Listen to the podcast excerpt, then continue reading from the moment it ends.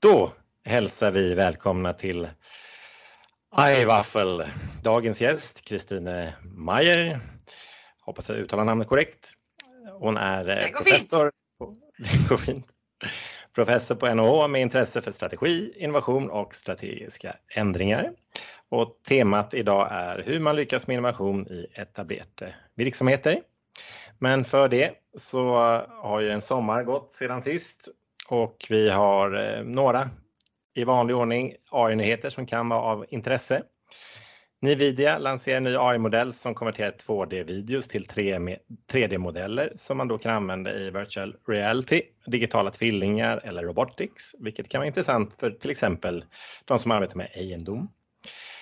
Oljefondet eh, Nikolaj Tange gikk ut eh, häromdagen og ställde krav om öppenhet og riskhantering til teknikselskap som jobber med kunstig intelligens. Tange mener at man måste, de som sällskapen som oljefonden äger måste utveckla och använda KI på ett sätt som främjar ansvarig växt och innovation och ställer tre krav till bolagen. Och det første er at styrene i selskapene måste være kompetente til å sikre at värdeskapet vi bruk av KI er balansert med nødvendig riskstyrning. Och en tydlig ton från toppen är också avgörande för att bygga kultur för ansvarligt AI internt i bolagen. Nummer två, att man måste kunna förklara till omvärlden vilka AI-system man utvecklar och använder. Och nummer tre, att man måste ha robusta processer för att identifiera och hantera riskknuten till AI.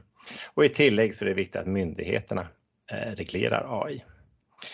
Sista tipset är sommarprat i i Sveriges Radio. Max Tegmark som är en AI-forskare som på ett extremt pedagogiskt sätt går igenom det han varnar för riskerna med AI och också möjligheterna om man lyckas hantera riskerna på ett bra sätt. Han var en av de som tidigt var ute och varnade för det här och förklarade på ett tydligt sätt. Så det är ett gott tips. Nästa fredag så har vi en annan professor på besök, Johan Frishammar från Luleå tekniska universitet. Och då kommer vi att diskutera hur man mäter innovation, vilket ju inte alltid är det lättaste. Men idag har vi då Kristine Mayer på besök. Välkommen Kristine! Tusen takk skal du ha. Det Gleder meg veldig. Är du eh, klar för dagen? Det er jeg absolutt. Eh, så eh, jeg har allerede hatt en eh, dag bak meg, så jeg er, men jeg gleder meg veldig til denne podcasten med deg. Jeg glemte å si at jeg er i New York en måned, og da får man ta hensyn til tidsskillnaden så det er halv fem her, så vi fant en tid som passet oss båda. Takk. Takk for det! Så for de som ikke kjenner Kristine, hvem er är du? Jeg er professor ved Norges handelshøyskole og forsker særlig på strategi og organisasjon, men har de siste årene jobbet mye med innovasjon og spesielt innovasjon i etablerte virksomheter. Hvordan kommer det seg at du ändrade vinkling inn mot innovasjon i etablerte verksamheter? Ja, har jeg må vel egentlig gi æren til en kollega av meg, Inger Stensaker, som også har vært med å skrive bok sammen med Rune Bjerke og Ann-Katrin Haugeng. Så har vi skrevet en bok om innovationskapasitet. Just det, och Inger är också en tidigare gäst i denna podcast faktiskt. Så det finns mycket kompetens kring innovation på NHH förstår jag. Är det, har det alltid vært et interesse på NHO, eller har det kommet de seneste årene, tror du? Det har nok kommet mer de seneste årene, og spesielt kanskje innovasjon i etablerte virksomheter. Det har lenge vært en fokus på det å starte egen bedrift, selv om vi også ser at studentene er blitt mye mer interessert i det de siste årene. Men det å tenke at det skjer mye innovasjon også i etablerte bedrifter, det er kanskje litt nyere fokus hos oss. Og du har også en bakgrunn som såg jeg på din LinkedIn-profil som administrerende direktør for SSB. Kan det stemme? Ja, det er riktig. Både SSB og Konkurrenstilsynet har jeg vært i, Og litt bort i politik. Det er ikke så vanlig at folk endrer så stort i sin karriere som du gjør. från stora organisationer til forskning, til politikk. Og hur kommer det seg? Nei, Det har jo med selvfølgelig en, en interesse, ikke bare å sitte på avstand og eh, observere hva eh, andre gjør, men faktisk eh, være med og beslutte. Og nå stiller jeg faktisk også som byrådslederkandidat eh, eh, i Bergen kommune. Og det er jo en stor virksomhet, og også kommunene må jo eh, innovere. Så det er en av de tingene jeg har lyst til å jobbe med. Vil du si for hvilket parti, eller skal vi ikke nevne Ja, det? det, nei, det sier jeg gjerne. Det er for Høyre. Og vi ligger godt an, så jeg krysser fingrene for at dette går bra. Men vi vet jo aldri. Ja, hvordan ser, hur ser meningsmålingene ut? Nei, De ligger sånn eh, godt over 30% for mitt parti, og det må jo sies å være bra. Ja, det tycker jeg. Så när eh, kliver du inn i, det avhenger av valet da, kanskje? om du kliver inn i... Ja, eh, litt av valget, og selvfølgelig også litt av andre partier, om de vil leke med oss. ja, just det. Så om de ikke vill, eh, om det ikke går bra i valet og ingen vil leke med deg, så Da havner jeg i opposisjon. ja, da havner jeg i opposisjon, og så må jeg jo jobbe litt. Da må jeg også skrive litt, tenker jeg. Ja. Men du lämnar professorjobbet helt? Jeg går i hvert fall i permisjon i, i hvert fall i fire år. Ja. Mm. Okay. Spennende. Jeg leste også at du, gjorde, du skriver mange många bra innlegg i, eh, i media. I morse leste jeg om eh, samfunnsflokene. Ja. At eh, man behöver tänka bredare, inte sitta på sin tuva och tro att man vet allt bäst utan eh, att man ska ha ett öppet sinn för att få till de bästa lösningarna i stort sett. Kan du säga lite mer om det? Ja, og det jo litt eh, også ut fra inspirasjon av hva vi har sett eh, i eh, næringslivet, og jo flere og flere virksomheter f.eks. innenfor shipping sier at dette karbonproblemet som vi har, det klarer ikke de å løse selv. De er nødt til å inngå i samarbeid. og eh, fra å liksom tenke at de som er både store konkurrenter, eh, at man må ha de på armlengdes avstand, så er man nå mye større grad villig til å dele på kunnskapen. Eh, og også tenke seg litt sånne utradisjonelle eh, samarbeid for å løse disse store flokene som vi har. Så vi ser det er en mye sterkere vilje på å dele, og jeg tror også noe av det kommer eh, med den delingskulturen vi nå ser vokse frem blant eh, særlig de yngre generasjonene. Ja, og hvilke er de store flokerna? Och för de som inte känner begrepp, eh, svenska lyssnare också. Vad menar man Ja, med? Eh, på engelsk så kaller man det gjerne for wicked problems. Eh, det kan være klimakrise, det kan være eh, utenforskap eh, blant eh, ungdom. Eh, det kan være eldrebølgen, som jeg tror alle vestlige eh, etter hvert eh, her har. Eh, det kan være barnefattigdom. Så her kan du på en måte bare velge. Eh, men det typiske flyktningkrisen, det typiske eh, floker som er vanskelig å løse. Eh, du, man kan prøve, men eh, det er i hvert fall ikke noen enkle løsninger på dette. Og man klarer i hvert fall ikke å løse det ved å sitte alene på sin tue. Nei. Eh, tror du at eh, politikern skulle må bra av å tydeligere liksom, identifisere hvilke problem man ønsker å løse i en, eh, i en mandatperiode?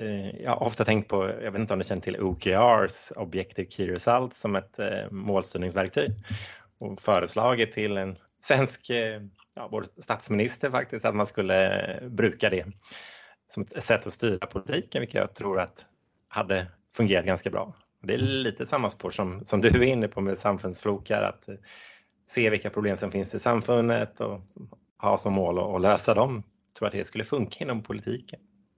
Ja, jeg tror vi godt kunne ha eh, hatt lengre tanker eh, innenfor politikk. Eh, men øh, vi har også prøvet, i hvert fall i Norge, målstyring en stund, og det er ikke alltid at det fungerer øh, så godt. Så vi må på en måte bruke det med litt sånn øh, edruelighet, tror jeg.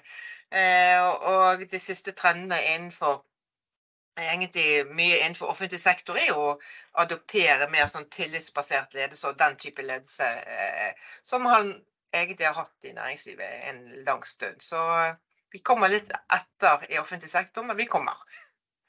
Ja, men det låter hoppingivende.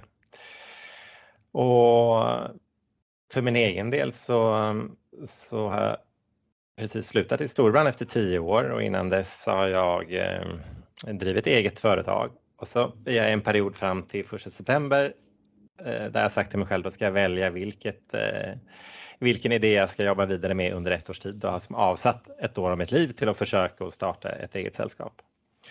Och eh, så har jag också en del ideer idéer inom offentlig sektor. Men jag känner också en brist på motivation för att det känns som att man inte är liksom välkommen som entreprenør entreprenör på något sätt i de, ja, både Sverige och Norge för att vara ärlig. För att man mm. på något sätt känner ett motstånd. Mycket drivet av att någon slags, jag vet inte hur jag ska uttrycka, men förakt för vinst som är en mm. viktig komponent i marknadsekonomin som jag ser det. Och självklart ska man inte ta ut övervinster och självklart så måste det regleras på ett bra sätt. Men man känner instinktivt när man är i en sån period, man måste erkänna att jag inte känner en, även om man har en motivation att verkligen vara med och lösa viktiga samhällsflokar så känns det som man på något sätt inte är välkommen i offentlig sektor. Kan du forstå det? Ja, altså nå kjenner jeg jo den norske og ikke så godt den svenske, men det er faktisk litt sånn forskjell mellom høyre- og venstreside i norsk politikk. Eh, og eh, det er nok eh, litt sånn dessverre, syns jeg, at Derfor i Norge har vi hatt nå en, en, periode hvor dette å tjene penger har blitt sett på som litt skittent, kanskje, og ikke så bra. Og eh, vi syns jo det er utrolig synd. For vi mener jo at eh, det å dra på alle gode krefter i samfunnet og inkludere ja, både ideelle organisasjoner, men også eh, privat næringsliv, er så viktig.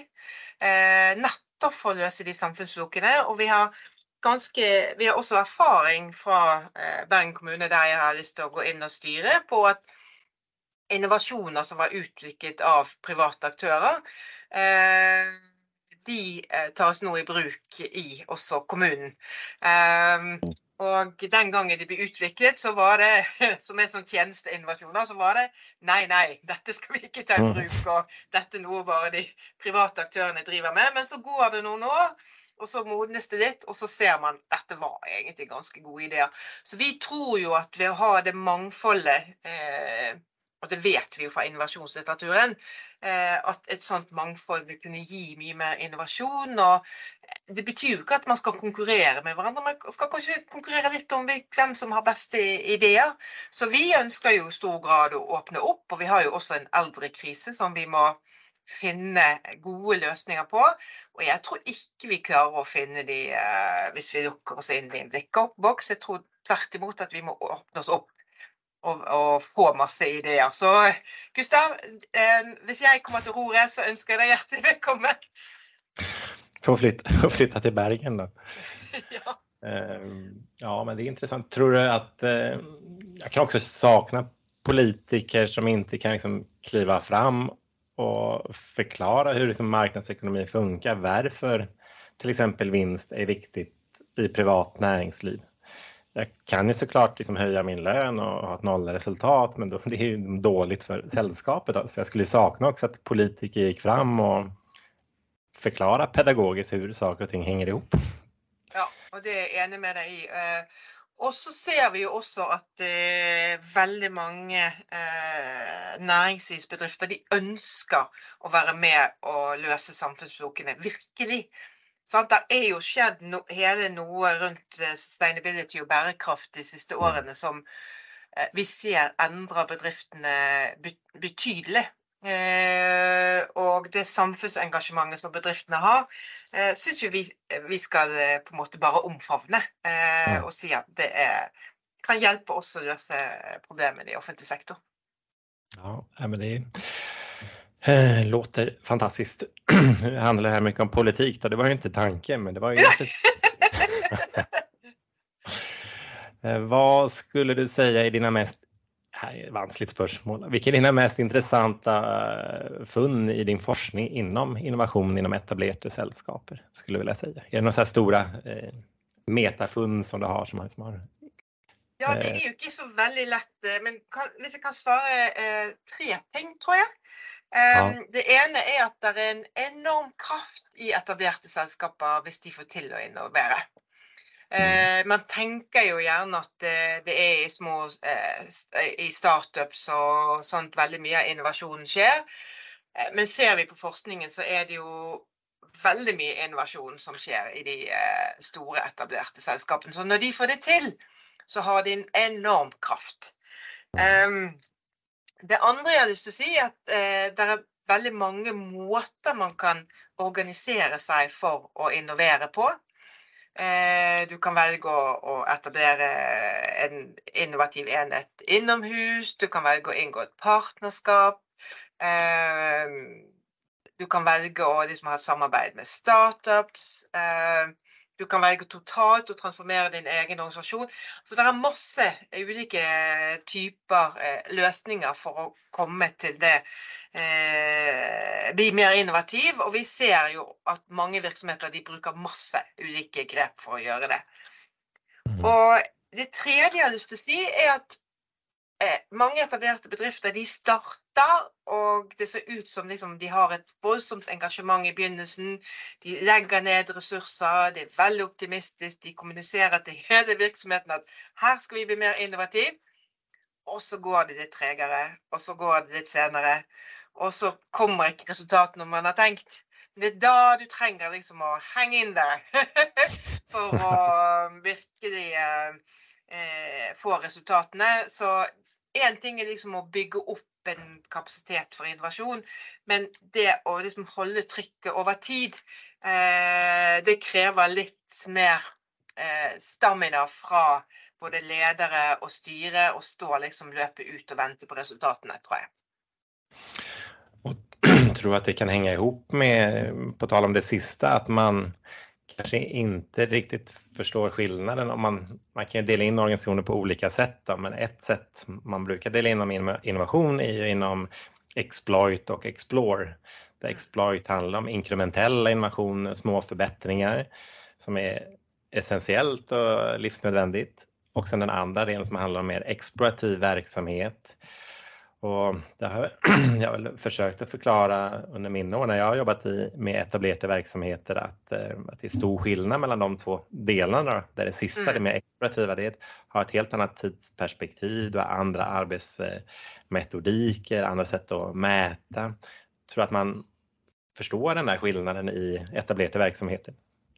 Nei, jeg tror jo det kan være litt vanskelig. Og vi ser jo også ofte at eh, eh den delen som er på en måte den etablerte og, og den tradisjonelle, de syns jo det er vanskelig når veldig mye av ressursene settes bort til kanskje en sånn newbie som skal få lov å innovere og få lov å få masse ressurser. og eh, Særlig hvis de får mye tid, for de sier jo ofte at ja, men vi har jo også lyst til å innovere.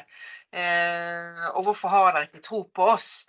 Eh, og av og til har de jo litt rett. Eh, så jeg, jeg, tror på mange måter at man må ikke ta helt innovasjonslysten fra de etablerte heller, men for å komme liksom, over i mer sånn eh, banebrytende og radikal innovasjon, så må man nok gjøre kraftigere grep enn å la de etablerte få lov å styre med det alene. Eh, da må man kanskje skille ut en eh, enhet, eller jobbe i partnerskap, eller gjøre noe mer radikalt også organisatorisk.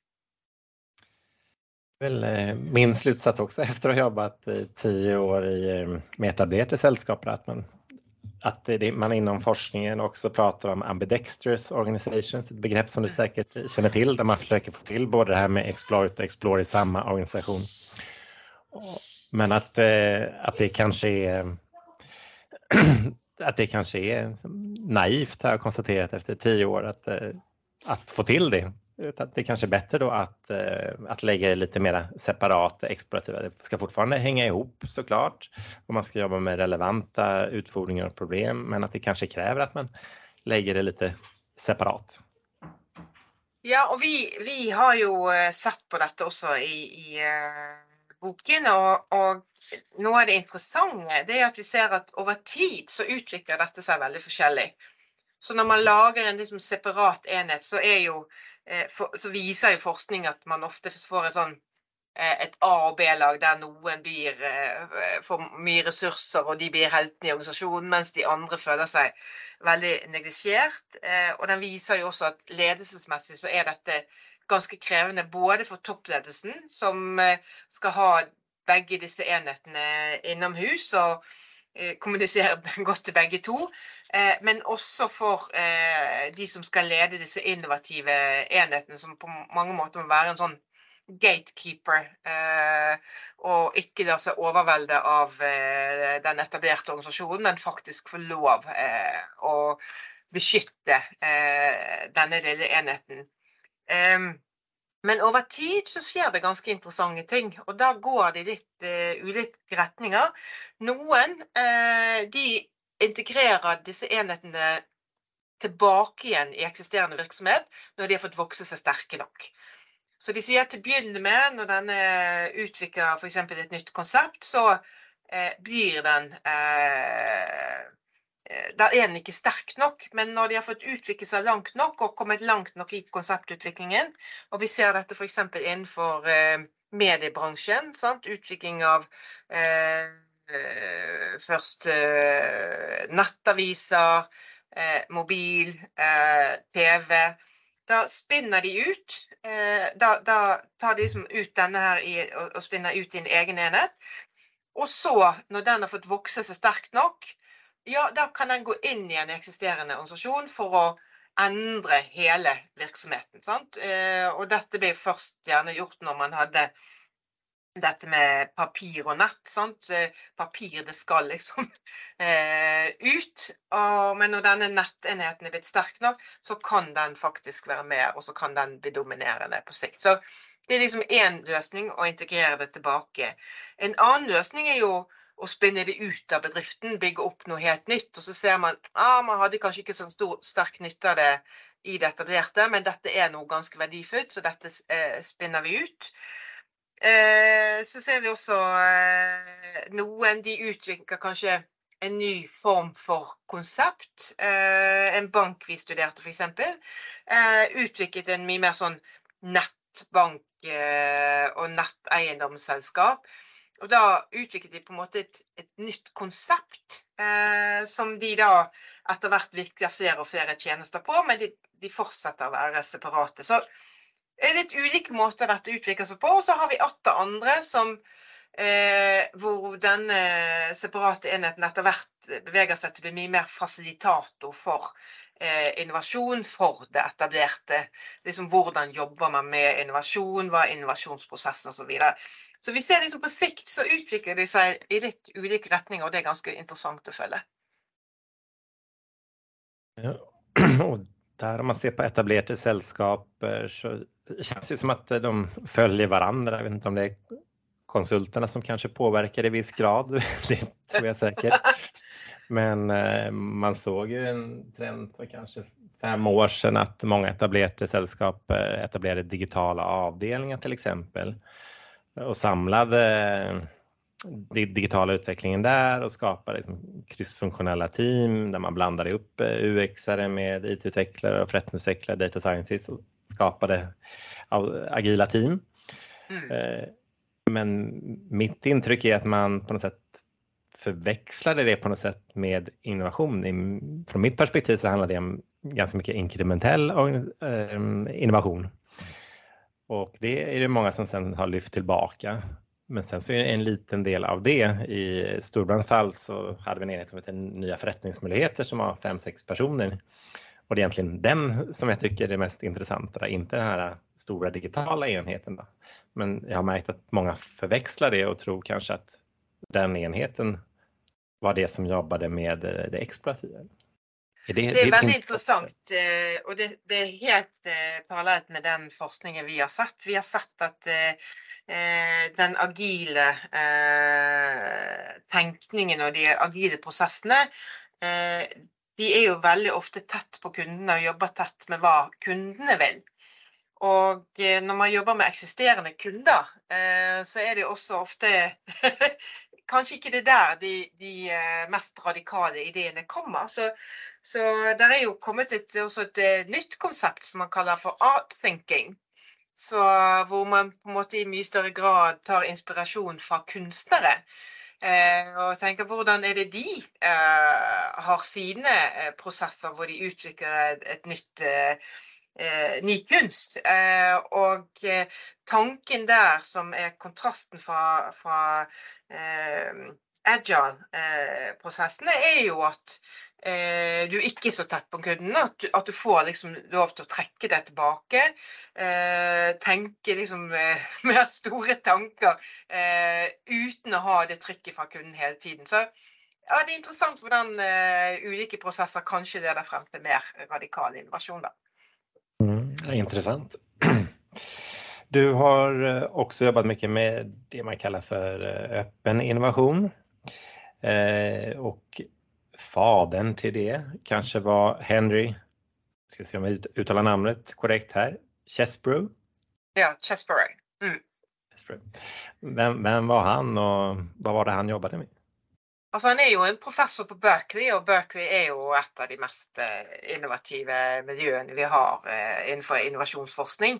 Um, og eh, det var jo ikke sånn at ikke virksomheter hadde drevet med åpen innovasjon før, men han satte på en måte eh, navn på eh, et fenomen eh, og et navn på behovet for virksomheter å åpne seg opp mot andre.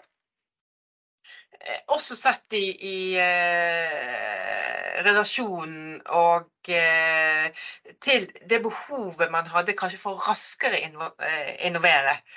For det er vel sånn at eh, innovasjoner går jo ikke sent nå, de går raskere og raskere. Og eh, hvis man da sitter bare isolert i sin egen, egen organisasjon, ja da går det ikke raskt nok. Så rett og slett for å Bl.a. få opp tempoet, men også for å få flere ideer. Eh, så var det hans anbefaling at man i mye større grad strakte ut eh, armene til utviklere, til universiteter, til andre virksomheter.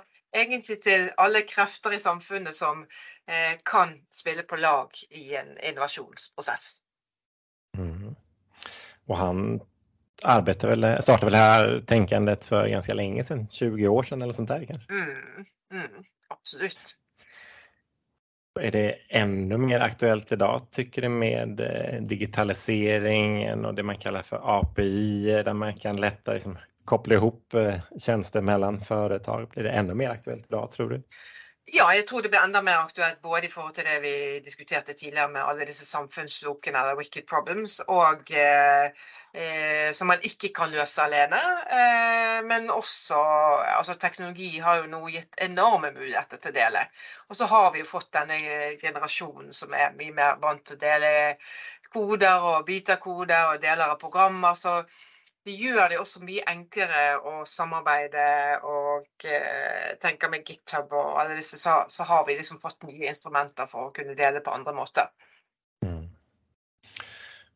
Det är väl min erfarenhet också. Eh, gillar det tänkandet och att en eh, snabb väg för att få till saker var partnerskap med eh, startups som verkligen var duktiga på en specifik sak.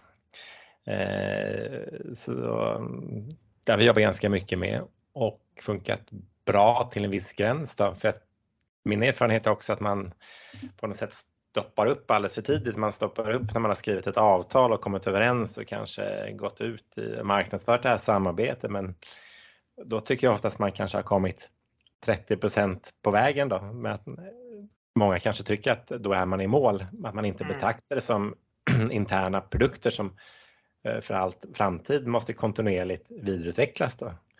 Vad tänker du kring det? Är det någonting du har sett i din forskning också? Ja, du har jo på en måte to, eh, to utfordringer i å samarbeide med startups. Det er i hvert fall to utfordringer. Um, og noen kollegaer av meg har laget en rapport for, som de kalte 'Mind the Gap', som uh, forklarte utfordringene som store virksomheter har å jobbe med startups, som bl.a. Uh, sa det at man har ofte helt ulike tidsperspektiv. Ofte startups de har lite penger, og de har det veldig travelt. mens de etablerte bedriftene har veldig god tid. Og skal kanskje forankre det hos veldig mange stakeholders og interessenter. Og det er ofte også at eh, startup kan ha en liten, lite moden teknologi. Så eh, å være litt tidlig fase, og for de etablerte så kan det også være ganske risikofylt å satse liksom på et lite startup eh, som eh, har kanskje et litt uprøvd eh, produkt.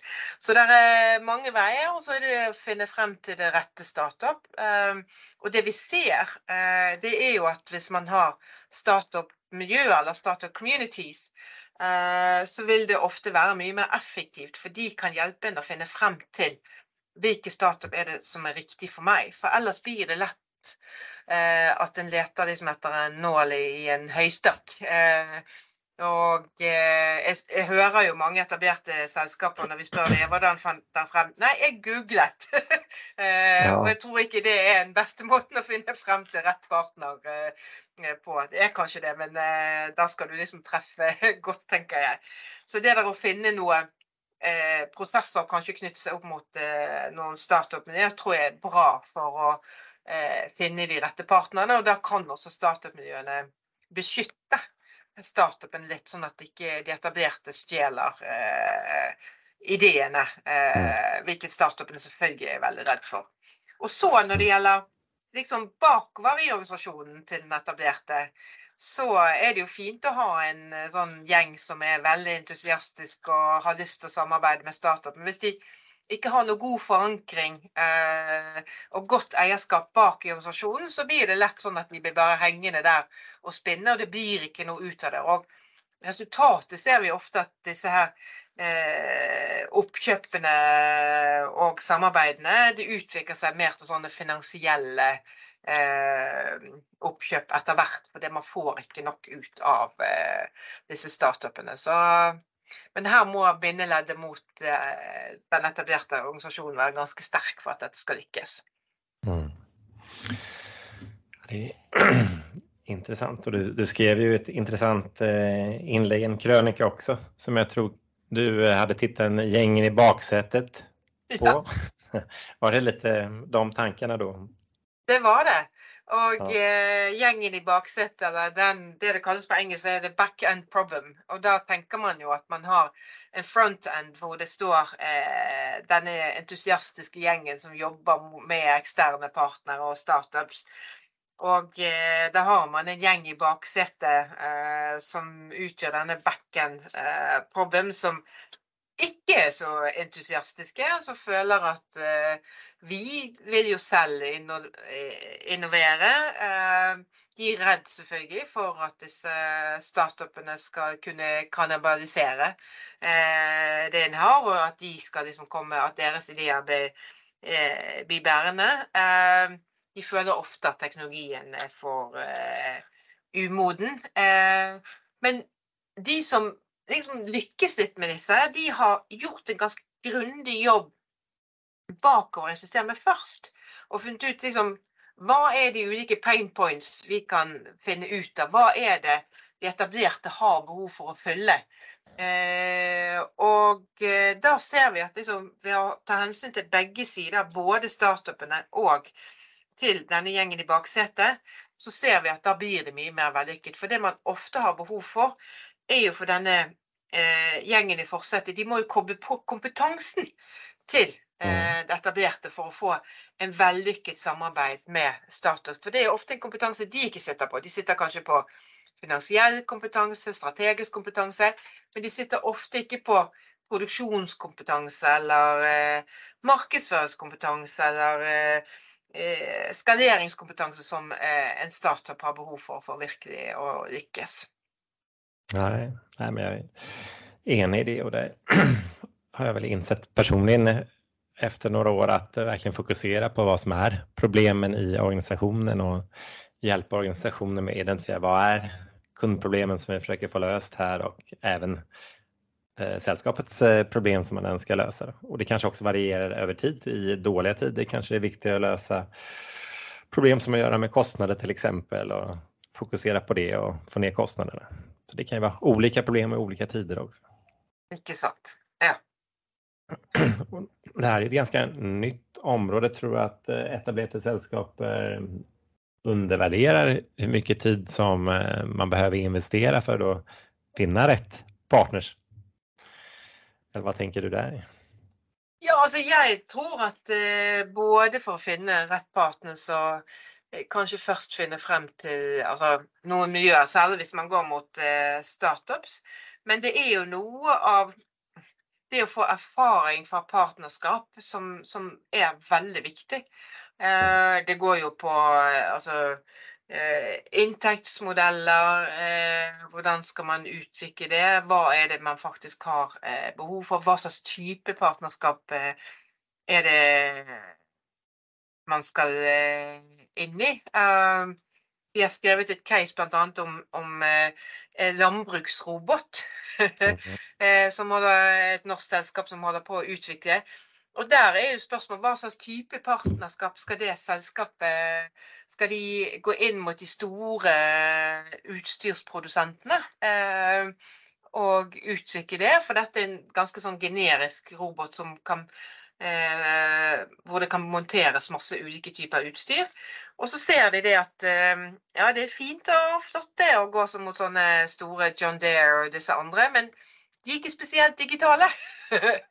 og de har også litt store eh, De driver også litt eh, stort utstyr. Så det er ikke alltid så lett å liksom finne det riktige partnerskapsmodellet. Og et ungt eh, selskap vil jo også ofte være redd for å inngå for tidlig partnerskap, for da vanner du jo ut veldig mye av eierskapet til gründerne, og du kan miste litt av de på veien. Og de mister muligheten til å virkelig være med på en eventyrlig reise. Mm. Du nevner også i, i dine innlegg noe som du kaller for Dødens dal. Mm -hmm. Hva er det?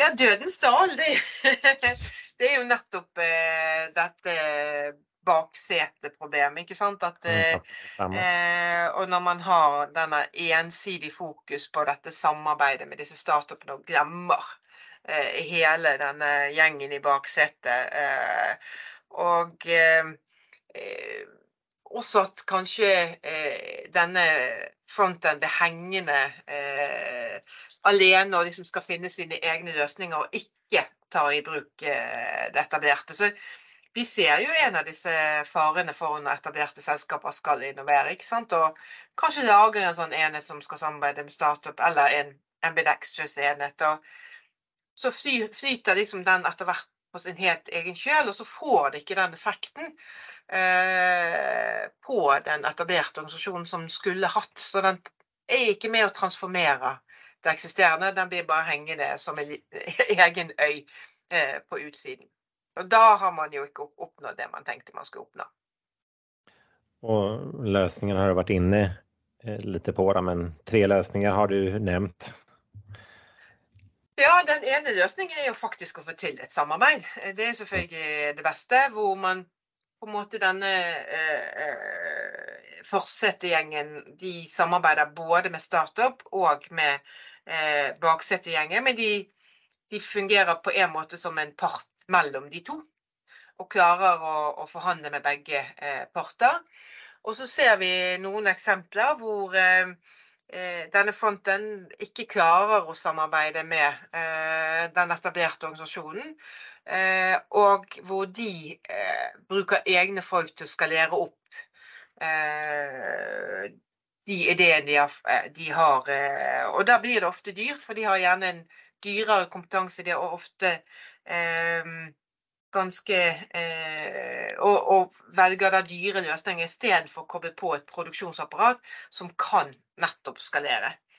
Og den mm. siste løsningen det er jo også at de gir opp denne gjeng, interne gjengen som de opplever som en gjeng som er veldig tradisjonell og bakstreversk, og heller velger andre partnere eh, eksternt til å skalere opp eh, innovasjonene med. Om vi hopper over til eh, AI så har det ju hänt eh, väldigt mycket under lång tid men det har verkligen accelererat sedan slutet av förra året. Eh, vad tänker du kring den senaste tidens utveckling? Runt Hawaii? Ja, altså min egen sektor blir jo på mange måter truffet av dette. Og spesielt de nyeste utviklingene innenfor AI, hvor man kan be ChatGPT skrive Eh, eksamensoppgaver og oppgaver, andre oppgaver og sånt. Så vi ser jo det fordi at vi har veldig mange unge mennesker selvfølgelig som er studenter. Eh, og dermed får vi på en måte en naturlig press på oss til å måtte sette oss inn i dette. måtte ha et eh, forhold eh, til det. Eh, så eh, jeg vil jo si at akademia er faktisk ganske godt Eh, truffet av dette. Og så må vi jo også etter hvert se eh, hvordan forandrer dette våre eh, hverdager. Vi kan jo tenke at eh, vi som gjør mye litteratursøk og sånt, vi kan få veldig stor hjelp eh, av eh, nye verktøy. Så det at vi er på en måte en bransje der Eh, vi ser at eh, dette har eh, stor betydning, men veldig mye drevet at vi har mange studenter som på en måte raskt setter seg inn i dette. Så det er liksom én etablert bransje, og hvordan i hvert fall mm. jeg ser vår hverdag med undervisning endre seg. Mm. Ja, spennende. om man ser på mulighetene med AI om man tar akademia f.eks., exempel eller det du skal inn i, offentlig sektor, politikken, hva ser du noen store muligheter i som AI kan være med att eh, løse problemen på?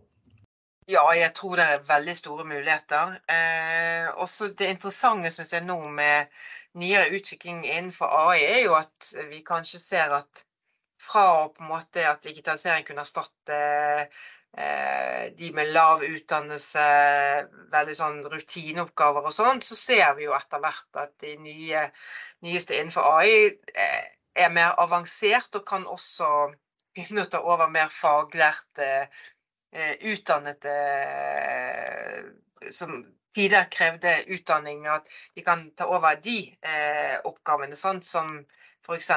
advokater og eh, advokatfullmektige som leter etter ulike dommer og skal finne ut av det. Det kan du godt bruke eh, dette til. Men jeg tror jo her er det nesten bare fantasien som uh, setter begrensninger. Og spørsmålet er bare hvor mye har du lyst til å sette i gang? Uh, og hvor innovativ kan du være? Jeg, jeg tror dette kan eh, gi veldig mye muligheter. Eh, men eh, jeg føler vi ikke kommer så veldig, veldig langt på å egentlig utforske hvilke muligheter dette gir. Og så er vel folk også litt skremt over eh, også litt av de mulighetene dette gir. Men, eh, så jeg tror det må brukes fornuftig. Ja, det er interessant at uh, alle virker virkelig enige om at det kan utgjøre et stort hot. Alt fra eh, forskare inom AI til ledere av de fremste AI-selskapene. Sam Altman fra OpenAI har til og med varnet kongressen for at han vil selv at det her skal regleres.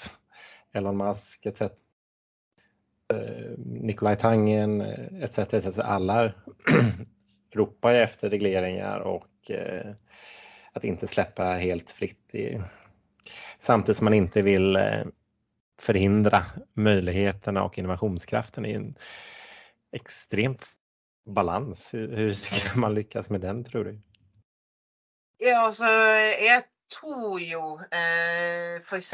innenfor for, eh, eh, helse, som jeg også har jobbet litt har ledet et utvalg om kvinnehelse hvor vi så på en del av Altså, når man utvikler logaritme f.eks. eksempel, for å kunne forutse en del sykdommer osv.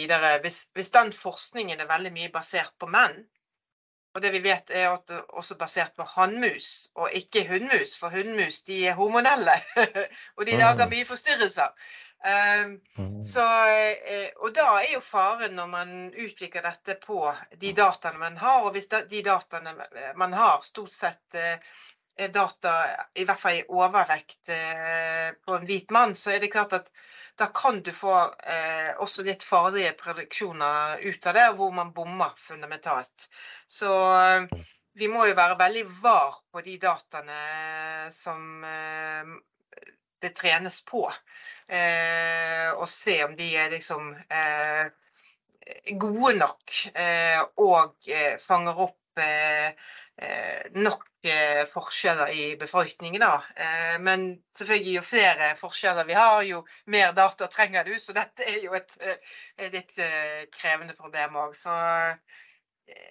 Og så vil vi jo gjerne se inn i disse boksene fra dataene går inn og til det kommer ut noen resultater. Vi vet jo ikke så veldig mye av hva som skjer i disse nettverkene som eh, er mellom. Mm. Og har du eh, noen erfarenhet av selskaper det seneste halvåret som har tatt i bruk AI i en større utstrekning? Eh, har sett noen tendenser? Om man, om man kan begynne med min, mitt eget perspektiv så syns jeg at alla sällskaper eh, har ju börjat att se på AI förhoppningsvis, men att man gärna ser på hur det kan förbättra existerande verksamhet, liksom effektivisera processer och göra framförallt kundservice, en sån här lågt hängande frukt som man kan effektivisera enormt.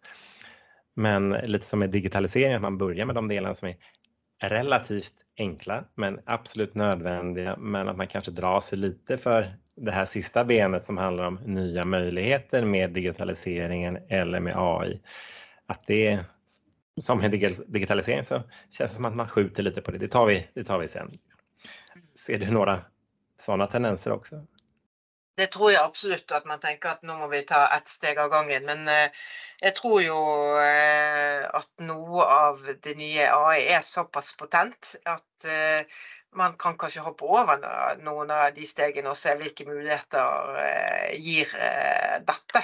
Og jeg tror jo der innenfor sånn billeddiagnostikk og sånn, så er det jo enorme muligheter for å effektivisere. Så jeg tenker man bare må omfavne dette, men eh, ta det i bruk selvfølgelig med litt varsomhet. og eh, Sånn at det ikke leder til disse konsekvensene som vi ikke ønsker. Ja. Og så går det jo veldig fort. altså Det er jo noe av det som også jeg har hørt eh, AI-forskere snakke om. ikke sant, at eh, læring mellom oss mennesker, det går ganske sakte. Sant? Jeg sier noe til deg, og så oppfatter du kanskje det meste av det jeg sier, men ikke helt. Og så skal du viderefortelle det til en annen som kanskje skjønner noe av det du sier, men ikke helt. Så læring mellom mennesker går ganske sakte. Eh, men det er klart eh, når du putter dette inn i en datamaskin, så går det fryktelig fort. Eh, og følgefeil de får på en måte veldig store konsekvenser. Så det er noe med denne menneskelige læringen. Det er noen fordeler ved at vi lærer litt sakte, og at det går litt sakte i våre nettverk òg.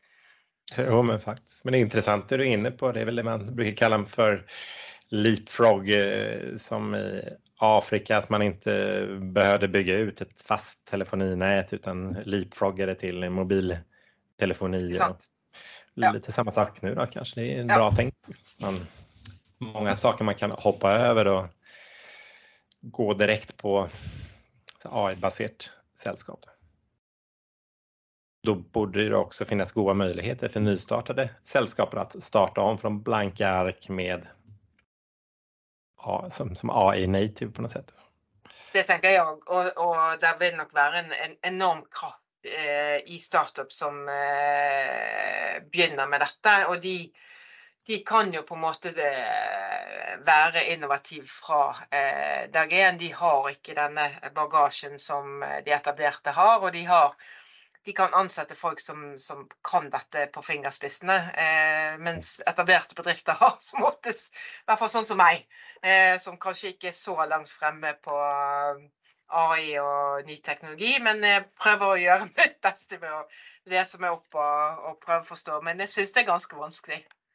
Ja, det är bara att använda det här bildgenereringsverktyget Midjourney. Jag vet inte om du har prövat det, men eh, ganska komplicerat att komma igång. Eh, man måste skaffa den här Discord-appen och sen så måste man lära sig att ställa eh, promptarna, kommandona på ett visst sätt. Det är inte helt lätt att få till, men när man väl får till det så är det ju helt amazing. Ja, og vi skal jo huske at denne maskinen som sitter på andre siden, den er jo egentlig stokk dum. Den må jo ha helt, helt presise kommandoer. Mm -hmm. eh, og det er, jo, sant? det er jo en interessant side ved det. ikke sant? Og hvis du da har feilet litt og tenker ja, dette skjønner den sikkert. Nei, gjør ikke det. det var, den kan ikke tenke selv på den måten som eh, den menneskelige hjernen, som tross alt er et fantastisk verktøy, kan. Nej, men det är lite paradoxalt. Man säger att AI ska vara så otroligt smart, men utan ett perspektiv så är det otroligt dumt för det. Man ja. behöver förklara som en tvååring att ja. så här skulle jag vilja ha det. Ja. Avslutningsvis då, skulle du kunna summera tre goda råd till, om vi börjar med etablerade sällskap som önskar lyckas med innovation? Ja, jeg tror Ja, nei, altså jeg tror det er viktig hvis det er radikal innovasjon du ønsker, så tror jeg, og du ikke har drevet med så mye innovasjon før, så tror jeg at det å tenke og skille ut din egen enhet, det er en ganske god idé. Eh, og gi den helt andre rammebetingelser enn eh, den etablerte organisasjonen eh, har. Eh, eller eh, gå inn i partnerskap med eh, andre innovative virksomheter, og så prøve å få bli litt smittet. At kulturen blir litt smittet, og at han klarer å ta det innover i egen organisasjon. Så det å tenke seg hvordan setter vi opp det, og så må man ha ganske mye tålmodighet med at dette tar tid. Uh, og dette krever uh, ressurser. Uh, og at man må stagge CFO-en en ganske lang stund i påvente av å få dette til. Så det tror jeg er noen viktige råd til etablerte bedrifter. Men det er mange veier frem. Og råd til de som starter fra scratch, da, til startups? Individer som ønsker å etablert selskap? Ja, eh, da er det jo å prøve å koble seg på eh, noen kanskje etablerte bedrifter, eller noen som kan skalering. Eh, vi ser ofte at det der eh, startups eh, feiler. De har kanskje en, en fantastisk idé, et godt konsept. Men de mangler ofte markedsføringskompetanse, finansiell kompetanse, produksjonskompetanse. Det er dette man kan få fra et etablert selskap. Eh, men det kan være lurt liksom, å, ha noen gode kontrakter og sånn, sånn at man sørger for at ikke de etablerte eh, tar ideen og at de forsvinner inn uten at man får betalt for det. Just. Väldigt gode goda råd, de tackar vi för och takk tack för ett väldigt og hyggligt och intressant och givande samtal. Tack ska du ha. Så får jag önska dig lycka till i valgkampen vallkampen och din nye nya inriktning på karriären. Tusen takk skal du ha. Det, jeg gleder meg, og jeg skal ta med meg innovasjonstenkningen inn i min nye jobb. Det skal jeg i hvert fall love.